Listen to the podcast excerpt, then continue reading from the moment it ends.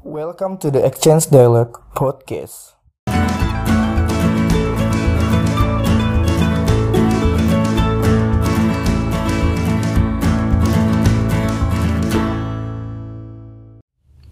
Podcast ini adalah tempat untuk berdiskusi. Di sini, kami akan membicarakan sebuah obrolan singkat dan padat yang dikemas dengan santai. Kami akan membahas tentang pekerjaan dan kegiatan sehari-hari. Thank you for listening Exchange Dialogue. Selamat mendengarkan.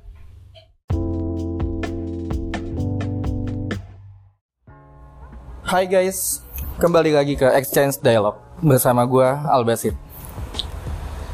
Di episode yang kali ini masih dengan tema yang sama, berhubungannya dengan pekerjaan, pekerjaan seni. Tapi eh, sebelum pembukaan bersama narasumber, gue pengen sedikit apa ya lebih kayak turut berduka cita karena karena dunia seni kembali berduka lagi yaitu Mas Glenn Fredly. Mungkin kita udah banyak tahu. Eh, semoga keluarganya bisa diberi kesabaran dan selalu tabah. Oke. Berhubung dengan podcast ini Kali ini gue bakal ngebahas suatu profesi yaitu adalah profesi barber. Mungkin kalian para pendengar juga udah tahu bahwa uh, gue juga adalah seorang barber. Cuman di podcast ini belum ada ngejelasin dunia barber itu seperti apa sih. Nah, ada beberapa orang yang bakal gue ajak diskusi bareng. Dia juga sama pekerjaannya profesi barber. Dan gue di sini pengen ngejelasin bersama teman-teman bagaimana sih kehidupan seorang bar- barber itu, bagaimana sih pekerjaannya, kacamata eh, seorang barber itu kayak gimana. Nah, di sini gue sama teman-teman gue sekitar empat orang. Beliau berprofesi barber di ibu kota Jakarta. Tapi beliau bukan orang Jakarta. Lebih tepatnya mencari pundi-pundi emas kali ya. Oke, boleh nih di intro dulu dari samping gua dulu, Mas. Ya, halo, gua Dedi, pakai I bukan pakai I dan gua profesional barber di barbershop kawasan Cibubur. Tepatnya di Jalan Alternatif Cibubur. Oke. Oke. Ini yang kedua. Iya, gua Davin. Gua profesional barber juga di Cibubur juga. Sama sama Mas Dedi. Oke. Ada dua narasumber lagi yang bakal gue kenalin juga. Ini Davin masih kaku banget kayaknya. Nih baru sekali kayaknya nge-podcast nih. baru baru sekali. Boleh, boleh banget, boleh banget. Kok Nah, nih kenalin dulu. Halo guys, kenalin nama gue Nanda. Profesi gue sebagai seorang profesional barber eh, dan barber gue letaknya di Alternatif Cibubur. Ya, Oke, satu lagi. Halo, bersama gua Iwan, gua satu profesi juga sama yang lainnya tadi profesional barber dan tepatnya di Magnus Barber, daerah Cilengsi. Oke, ini dari empat narasumber kita sebetulnya tiganya ini tempat eh, kerjanya sama, sama-sama tempat kerja. Nah, mungkin di sini agak sedikit campur aduk karena narasumbernya banyak. Biasanya kemarin gua kalau podcast tuh sama satu orang atau dua orang aja. Di sini gua mencoba berempat supaya diskusi kita ini bisa lebih dari sudut pandang yang banyak, bukan dari asumsi atau sudut pandang seseorang saja, tapi dari macam-macam bercerita. Nah mungkin Mas Nanda bisa ngeceritain dulu Mas bagaimana kehidupan seorang barber dari awal mulainya kayak gimana? gue pegang sendiri. Halo, saya Nanda. Eh, awal saya meniti karir sebagai seorang barber itu di Pekanbaru. Di sana saya nggak lama sih. Di Pekanbaru cuman beberapa bulan, terus pindah-pindah dan pada akhirnya sampailah ke Cibubur di King Cut Barbershop. awal mula saya terjun ke dunia barber eh, itu memang dari hati ya, karena saya suka dengan profesinya. Saat ini profesi barber bukan lagi profesi yang bisa dipandang sebelah mata, karena dengan profesi ini kita bisa membuat orang yang kita kenal bahkan yang tidak kita kenal bisa saling kenal. Bahkan menurut saya sebagai seorang barber tidaklah hal yang mudah gitu. Karena untuk sebagai seorang barber itu diperlukan yang namanya jiwa seni.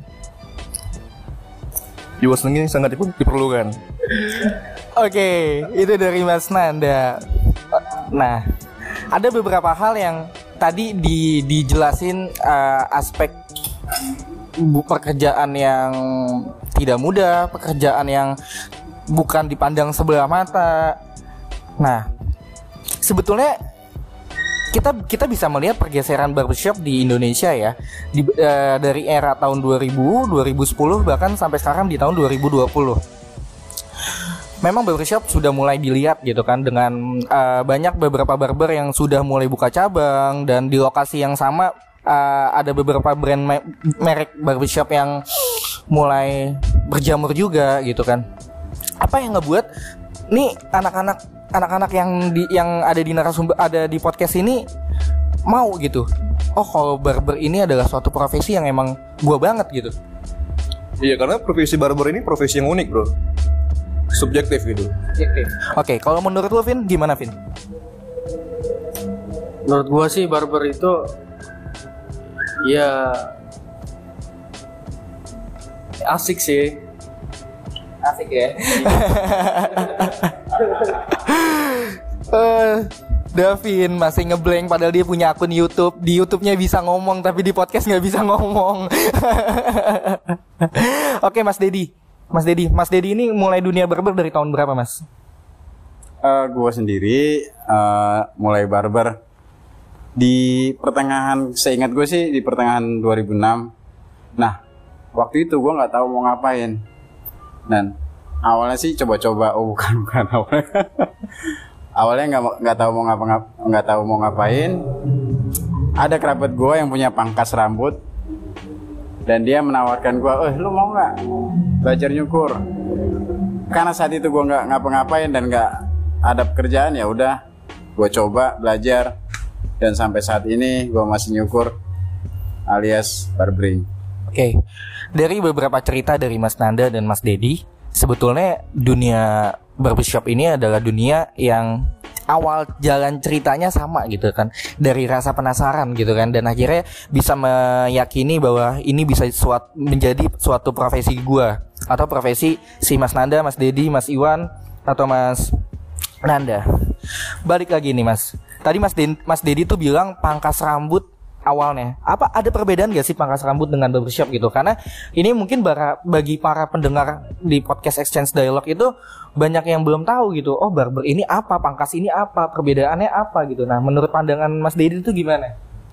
wah menarik sekali menarik sekali pertanyaan Eh, jadi intinya apa bedanya pangkas rambut dan barbershop gitu ya benar gak sih Iya. Ya. Eh, kalau gue bisa bandingin nih pangkas rambut dan barbershop tuh kayak eh, kalau bahasa Indonesia ayam, bahasa Inggrisnya chicken. Em, sama, cuman beda bahasa aja. Tapi sejauh ini ada yang beranggapan kalau pangkas rambut tuh yang eh, bisa dibilang yang zaman dulu lah. Sedangkan yang barbershop ini yang modern atau kalau lebih detail lagi bisa disebut dari servisnya atau fasilitasnya. Pad- Padahal menurut gua sih secara garis besar sama aja di situ sama-sama nyukur. Gitu. secara garis besar sebetulnya sama-sama nyukur gitu kan. Tapi kalau kita sadari gitu ya, kalau kita sadari mungkin kalau kita ngelihat eh, tempat potong rambut di luar, mereka itu eh, tidak tidak tidak memandang bahwa oh ini tempat A, ini tempat B, ini tempat C gitu kan. Tapi kalau kita ngeliat di, di Indonesia itu sendiri, mereka yang kalau menurut gue ya Mas, ini udah kayak ada kelasnya gitu. Kelas dalam arti kacamata customer gitu. Oh kalau gue mau rapi banget, gue ke barber. Oh kalau gue mau biasa aja, gue ke pangkas gitu. Cuman tadi tadi kan tadi kan Mas Dedi udah ngejelasin bahwa barber ya sama pangkas ya kayak bahasa Inggris aja gitu. Betul gitu kan? Nah, apa yang ngebuat sehingga customer bisa menilai seperti itu? menurut gue sih pengaruh dari budaya ya pengaruh dari budaya masyarakat dan dari mungkin bisa jadi dari bannernya atau tulisannya. Kalau dulu barbershop tuh di pinggir jalan susah ditemuin. Kebanyakan pangkas rambut. Nah semakin ke sini semakin ke sini barbershop ada di pinggir jalan. Eh, tempatnya lebih besar atau lebih strategis. Gitu-gitu aja sih. Oke, mungkin dari pengaruh budaya ya. Nah, nih gue balik lagi nih ke Mas Nanda nih. Nah, kalau Mas Nanda ada pandangan gak sih Mas, apa yang ngebuat pengaruh budaya ini sehingga mindset eh, orang yang nggak tahu dunia barber ini menilainya berbeda-beda. Nah, berarti kenapa Mas itu budayanya yang orang bisa menilai seperti itu? Kalau kenapa budayanya gue nggak bisa nyebutin secara detail ya. Mungkin tergantung daerah masing-masing sih atau lokasi di mana si barber itu berdiri gitu. Kalau si barber itu berdirinya di lokasi strategis atau kota gitu kan, mungkin budayanya dengan barber di sekitar itu sama gitu. Tergantung di mana dia berdiri sih. Itu sih menurut gua. Oke. Kembali lagi.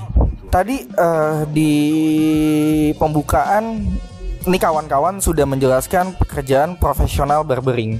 Berarti profesional barbering itu bisa dibilang dari eh, selain skills, ke selain tempat, selain brand di mana barber itu bekerja, ada satu hal gitu kan, attitude.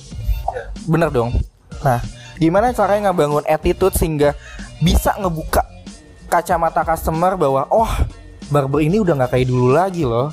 Nah ini siapa nih yang mau yang mau ngomong nih, yang mau ngebuka nih? Mungkin Mas Iwan atau Mas Nanda atau Mas Dedi? Mas Dedi ya. jadi jadi jadi gimana tadi Nah, tadi kan udah dijelasin sama Mas Nanda sedikit. Kayak ada beberapa eh, di pembukaan tadi kita ngejelasin tentang profesional barber. Iya. Nah, profesional barber itu kan bukan dari aspeknya bu- kalau menurut gua ya, menurut gua itu aspeknya bukan eh, soal tempat aja. Soal skill aja. Tapi kita di sini harus bisa ngelihat attitude-nya gitu kan. Nah, gimana caranya customer bisa menilai bahwa wah, lu bar lu keren ya seorang barber. Nah, itu kan berarti kan kita belajar komunikasi yang baik, attitude yang baik sehingga customer itu bisa membuka pikirannya. Dan akhirnya bisa kita bisa bilang bahwa customer itu udah nggak nggak malu lagi atau nggak gengsi lagi wah gua gua bergaul sama barber nggak masalah dong karena bar- barber ini udah udah open mind main udah open mind gitu kan nah itu gimana tuh Ah, berarti attitude lah ya. Kalau menurut gue sih nggak hanya di profesi ini attitude itu dibutuhkan ya. Tapi kalau kita fokus di profesi ini, ah, skill kita yang dewa pun nggak akan berguna kalau attitude kita buruk atau sikap kita buruk. Artinya ah, skill dan attitude itu harus diasah, nggak diasah ya, harus dimiliki seorang barber. Supaya ya akan terlihat profesional. Karena sangat penting dimiliki selain skill ya attitude. Gitu. Em, Mas Albert. Albert. Albasit masalah. Tadi Mas Mas Didi ngejelasin skill Ini ini ini gua gua gua tuh gua tuh nanyanya nyambung-nyambung aja biar makin bingung nih yang jawab. Butuh nggak sih Mas regulasi di Indonesia sehingga eh, nggak eh, nggak ada kelas-kelasan dalam arti kayak kalau kita bicara harga persaingan persaingan seorang barber ini kan bukan soal harga aja gitu kan, tapi di mana dia kerja dan di di mana dia punya skill gitu kan. Ya. Nah, akhirnya kan eh, seorang barber ini segmented kan. Customer, ah gue mau motongnya di A aja, gue nggak mau di B karena gue udah cocok gitu kan. Ya. Ah gue maunya di di B aja, gue nggak mau ke C lagi karena gue udah ngerasa aman gitu kan. Ya. Nah, butuh nggak sih mas regulasi yang di mana tukang cukur ini skillnya udah ada standar eh, kualitas sehingga customer tidak tidak tidak memilih-milih lagi di mana gitu. Hmm, apa tadi? Sorry sorry sorry. Um, Regulasi. regulasi ya sorry. Regulasi. Untuk saat ini sih kalau memang mau diregulasi itu sangat belum mu- mungkin baru bisa dimulai belum bisa secara keseluruhan diterapkan karena regulasi ya siapa yang akan mengeluarkan regulasi itu dan terpercaya nggak yang akan mengeluarkan regulasi itu Eh, contohnya kan regulasi kan harus dites gitu kan ya Mas Albasit Iya benar. Oke. Nah, kalau kalau kita ngelihat ini kan sebetulnya kan kayak dari peran pemerintah nggak sih? Iya. Kan ada beberapa barber yang di luar itu yang lu kalau mau jadi barber nih, lu harus lu lu harus ada verifikasi dari kayak Kementerian Kesehatan ya atau edukasi edukasi dan eh, apa ya pariwisata dan budaya gitu. Nah, penting nggak sih barber itu di Indonesia sehingga eh, kita bisa bisa nggak dipandang sebelah mata lagi bukan dalam aspek soal value tapi soal sosialnya gitu kan. Nah, itu gimana?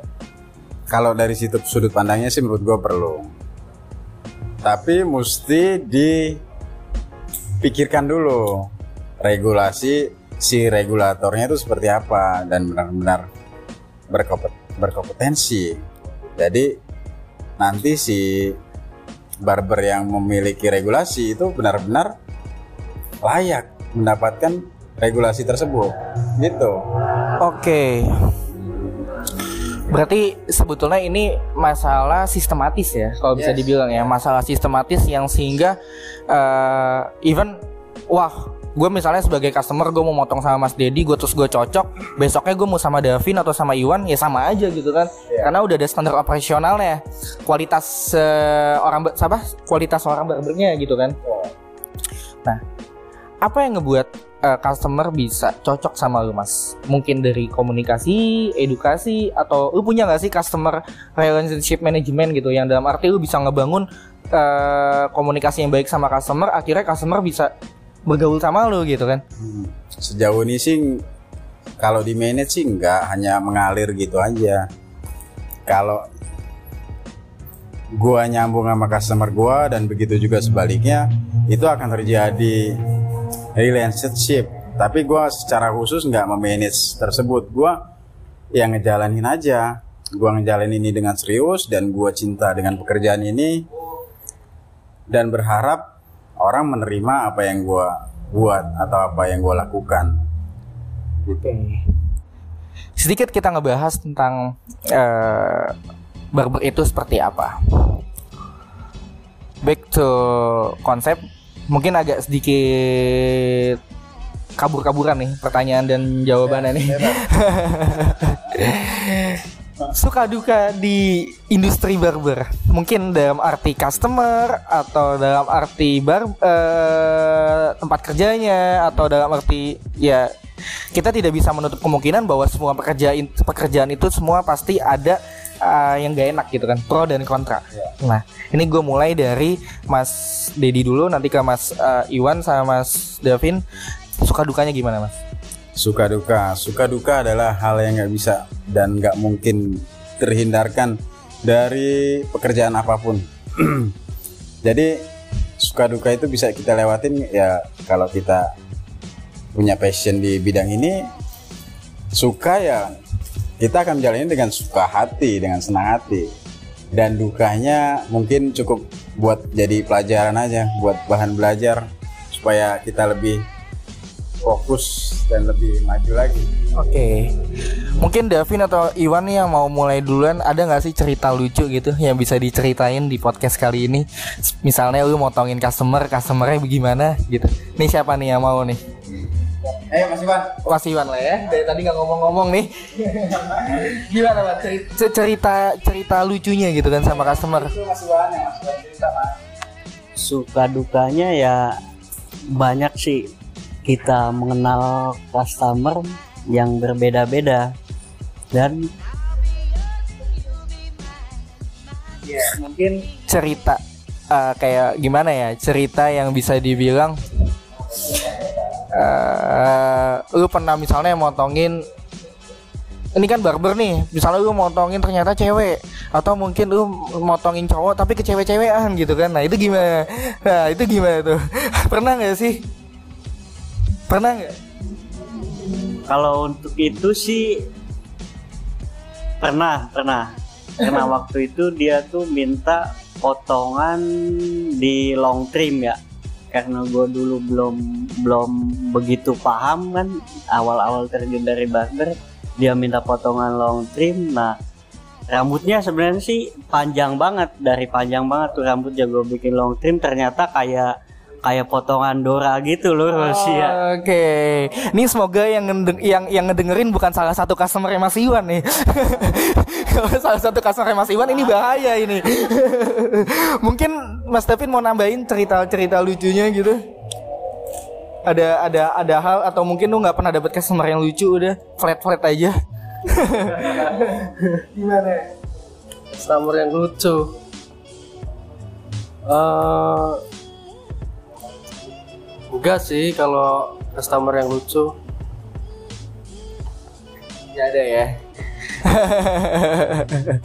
Oke baik. Lanjut lagi. Ini bagi para pendengar dari tadi gua ngebahas sama Mas Dedi. Eh, kalau mau gue jelasin, Mas Dedi bisa dibilang salah satu sudah mengajar ya, Mas. Udah sempat ngajarin bikin seminar ya. Sudah bikin acara seminar barber. Nah, di seminar itu mas lanjut lagi ke yang sistematis tadi itu ngebahas barber aja teknik secara teknik atau secara bisnis mas ngebahas kalau ke bisnis gua lebih nggak paham karena di sini kan gua karyawan ya yang lebih paham pasti bos gua ya lebih ngebahas gimana sih gua eh, ngejalanin ini semua eh, dari mulai dari servisnya mulai dari cara potongnya atau mulai dari cara komunikasinya.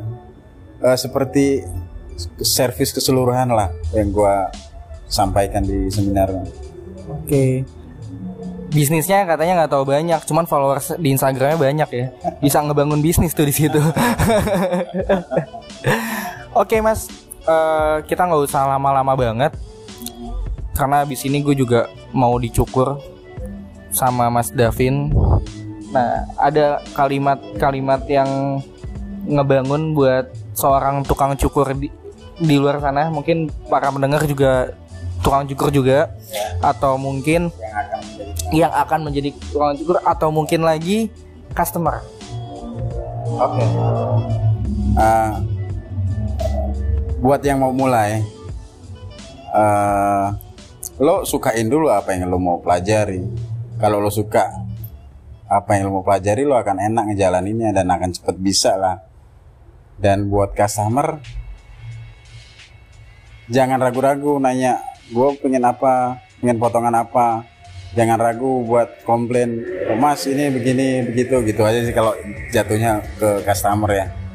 Gitu aja sih mas Alwasi. Oke, untuk Mas Iwan, mungkin buat kata-katanya belum kita penutup. buat ya buat yang pengen terjun ke dunia barber ya itu kata tadi Mas Dedi. Kita mesti cintain dulu pekerjaan kita. Jangan setengah-setengah. Kalau lu udah cinta sama dunia barber lu cinta sama passionnya insya Allah bisa langsung lancar terjun ke dunia barber. Udah sih itu aja Oke. Satu nih. Nih Mas Dedi pengen banget sih Mas Davin juga ngomong nih. Dari tadi dia nggak ngomong-ngomong nih. A- apa pun yang ada di kepala boleh Mas. Ayo Mas.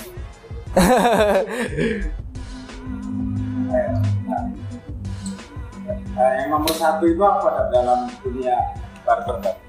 Customer yang pastinya. Oh, jadi saran buat customer yang itu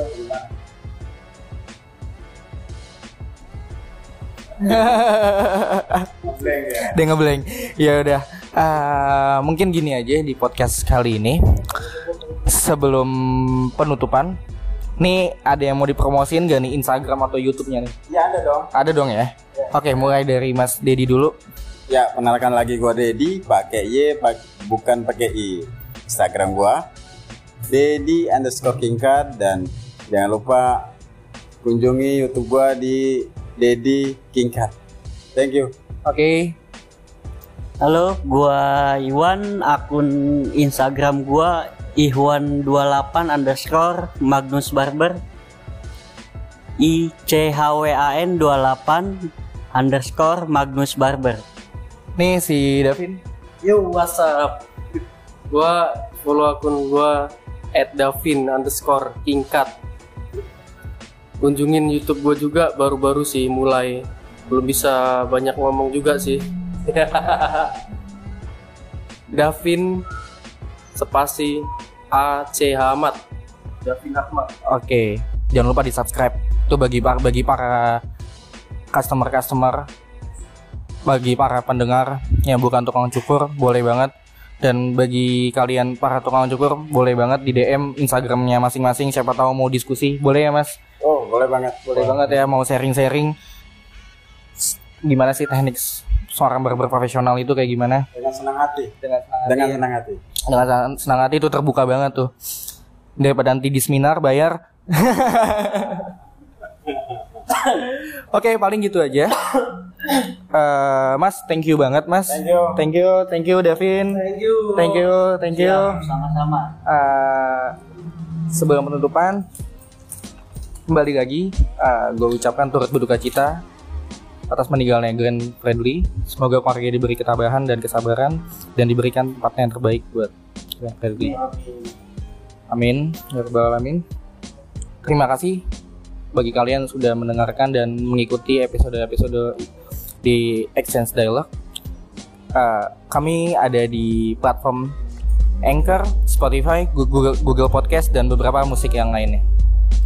Dan jangan lupa bagi kalian yang mau gabung di podcast kita buat menjadi narasumber, boleh banget DM di Instagram gue di ALBASITHS Albasit dan terima kasih dan sampai jumpa di episode-episode selanjutnya. See ya.